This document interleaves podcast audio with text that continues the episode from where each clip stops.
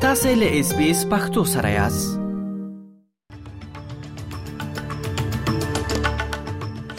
تیر شپه د استرالیا یو نظامی هلیکوپټر هغه د تمریناتو په وخت کې هغه غورځیدل ده او دغه د عملی سلور غړو لپاره لټون دوام لري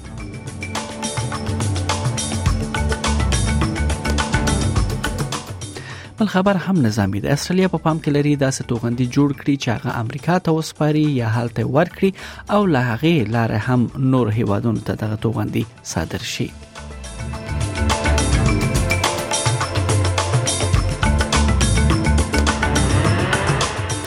بل یو مهم خبر وکټوریا ایالت کې د راتلونکي کال څخه د وکټوریا په ټولو ودانیو کې چې نوي جوړیږي د غازو اتصالاتو باندې بندیز لګول کیږي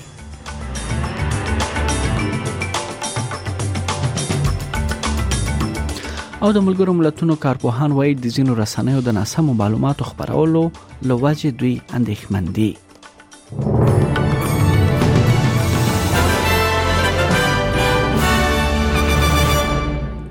او دا هم بشپړ خبرونه تیر شپه د هاملټن ټاپو څخه په سمندر کې د استرالیا نظامی الوتکه غورځیدو وروسته په هغه کې د سپرو عملی د سلور غړو لپاره د لټون او ژغورنې عملیات روان دي یا د الوتکه د امریکا او استرالیا د ګډ پوزیم تمریناتو یو برخه و او په تمرین کې دغه الوتکه برخه اخیسته و چې وغورځیده الوتکه د شپې نا وخت د جمعې په شپه شاوخوا 11 بجې د کوینزلند په ساحل کې نسکوره شوې ده تلسم صبري د امریکا او استرالیا ګډ پوځي عملیاتو دوونیز تمرین دی چې په استرالیا کې د پرمخه چول شوی د استرالیا د دفاع وزیر مالس وایي چې د سلورو هوایي عملیې کورنۍ ته د یادو کسانو ورکېدو خبر ورکړ شوی دی These are early days and there will be much more information to be provided about this incident. But defence exercises, which are so necessary for the readiness of our Defence Force, are serious they carry risk. And as we desperately hope for better news during the course of this day, we are reminded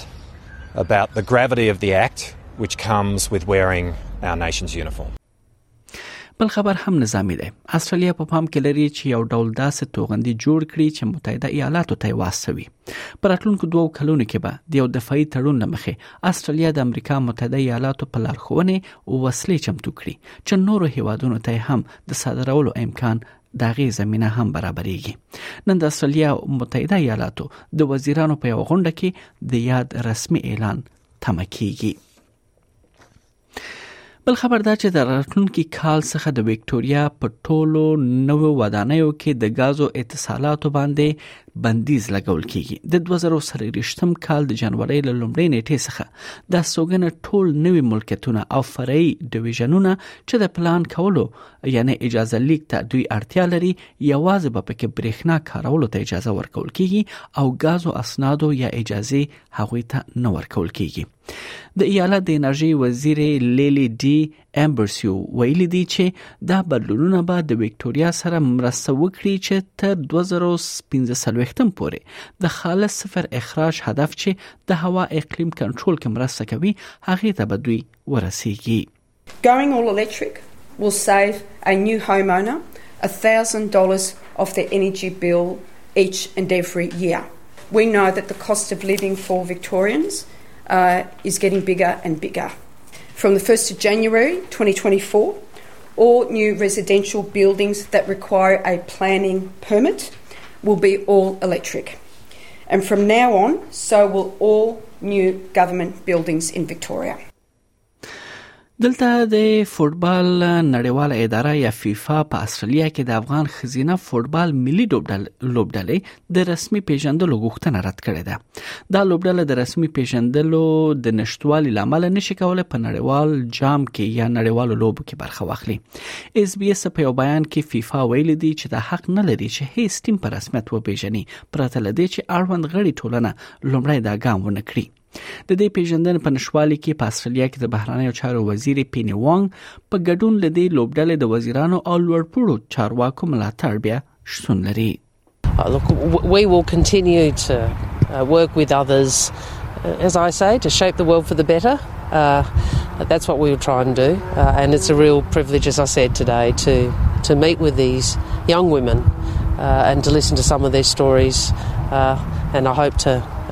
we can keep engaging with each other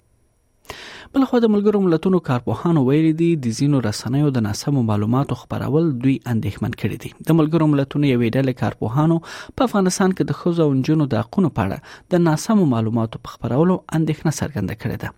دا کارپوهانو په خبر پانه کې ویل دي چې یوې رسنۍ د بشري حقوقو لم مهم بحث نه وړه ګټه پورته کړې ده د ملګرو ملتونو په دغه کارپوهانو کې چې د اندېښنې په ډاګه کړې ده ریچارډ بند هم شامل دی نو موري د افغانستان د بشري وضعیت لپاره د ملګرو ملتونو ځنګړی رپورټر دی چې سو ځلې افغانستان د سفرونه هم کړی دی د ملګرو ملتونو په خبره شوې اعلامیه کې راغلي دي چې موږ په جوړه خواشنۍ سره د افغانستان انټرنیشنل په نامه یو رسنۍ د بشري حقوقو په شورا کې د افغان خزو او جنو د حقوقو په اړه یو مهم بحث خناوړه ګټه پورته کړې ده او د یو رابل شوی افغان ویناوالي او د ملګرو ملتونو د یو کارکونکو پر وړاندې د سپکاوي کمپاین پیل کړی دی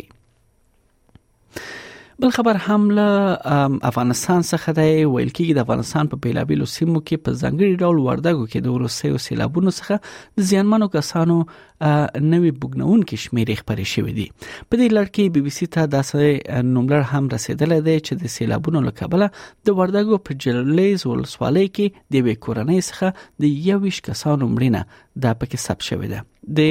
د دولتي رپورت لمخې په جلریز کې ورسیو سیلابونو سلیریش کسان مړ کړي دي چې لړلې یو شتنه د یوې کورنۍ او پاتې درې د بل کورنۍ غړي یعنی ذکر شوی دی بل خبر هم نړیوال دی او له نایجیریا څخه دی جنرال عبدالرحمن تاچیانی له کودتا وروسته ځان د نایجیریا د نوي مشر په توګه اعلان کړی دی د بغاوت کوونکو عسکرو مشر چې د هیواد په دیموکراتیکه توګه ټاکل شوی ولسمشر یې توقیف کړی وو د پوز له واک څخه دوه ورځې وروسته ملت ته د وینا وکړه جنرال تچیانی وایي چې هیواد یې باید د خپل ساتنې لپاره لار بدله کړي نو ځکه هغه او نورو د امنیتي اقتصادي او ټولنیزو ننګونو د لمنځه وړلو لپاره یې مداخله پریکړه وکړه جنرال تچیانی ویلي دي چې سي ان اس پی غواړي د نایجیریا د ټولو نړیوالو خېلتیاو درناوی وکړي دغه هغه کې د بشري حقوقو سره اړیکې هم شامل دي L'action du CNS action of the CNSP is motivated by the sole preoccupation of preserving our dear country, faced in part with the degradation of the security situation in our country, and for which our authorities didn't leave a real solution for a way out of the crisis, and the other part is for the bad economic and social governance.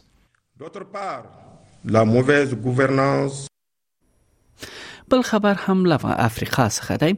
ولادمیر پوتین په سن پیټرزبورګ کې د روسیې او افریقا په دوه ورځنی سرمشریزه کې له افریقا سره د مرستو ژمنه وکړه د روسیې ولسمشر هڅه وکړه چې د دوه اړخیزو غونډو په ترڅ کې افریقایي مشرانو ته دا ډاډ ورکړي چې روسیه د دوی یو باوري ملګری دی د اوکراین د غلو صادراتو په اړه د تور بهیرې په نامه د غلو تړون لمنځه تلل په افریقا کې د خوراکي توکو د بیو لوړېدو او کمښت په اړه اندېښنې رامنځته کړې دي په یاد سرمشریزه کې ولس افریقایي هیوادونو مشرانو برخه اخیستو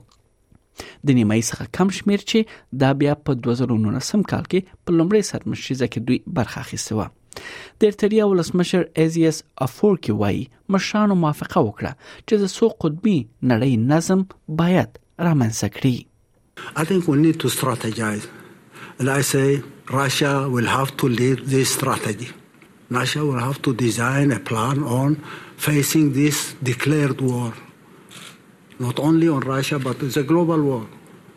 Everybody should come and join Russia on this strategy. بل وروستی خبر دا چې په متحده ایالاتو کې ځین ماهرین وایي چې د تودوخې سخت سپې په غیر متناسب ډول تورپوسه کسان او ټیټ عاید لرونکي ټولنه باندې ډیره منفي اغیزه شیندلې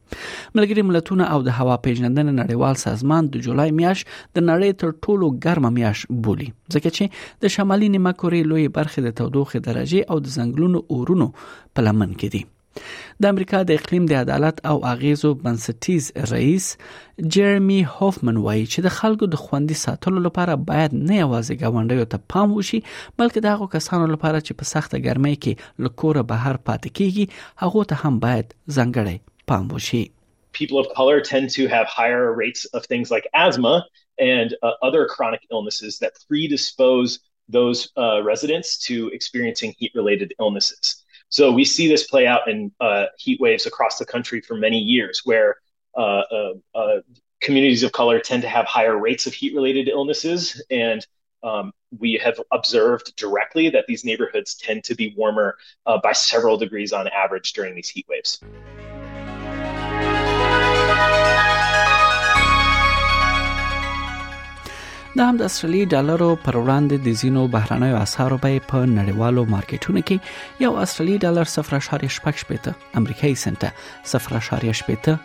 هیرو سنټه یو استرالی ډالر و 50.25 افغاني روپی یو سل نه هتیا اشاریه سلور هتیا پاکستاني روپی یو استرالی ډالر سلور 50.9 شپېته هندۍ روپی 2.3 سروي اماراتي درهم او یو استرالی ډالر 0.15 انګلیسي پنسه ارزښت لري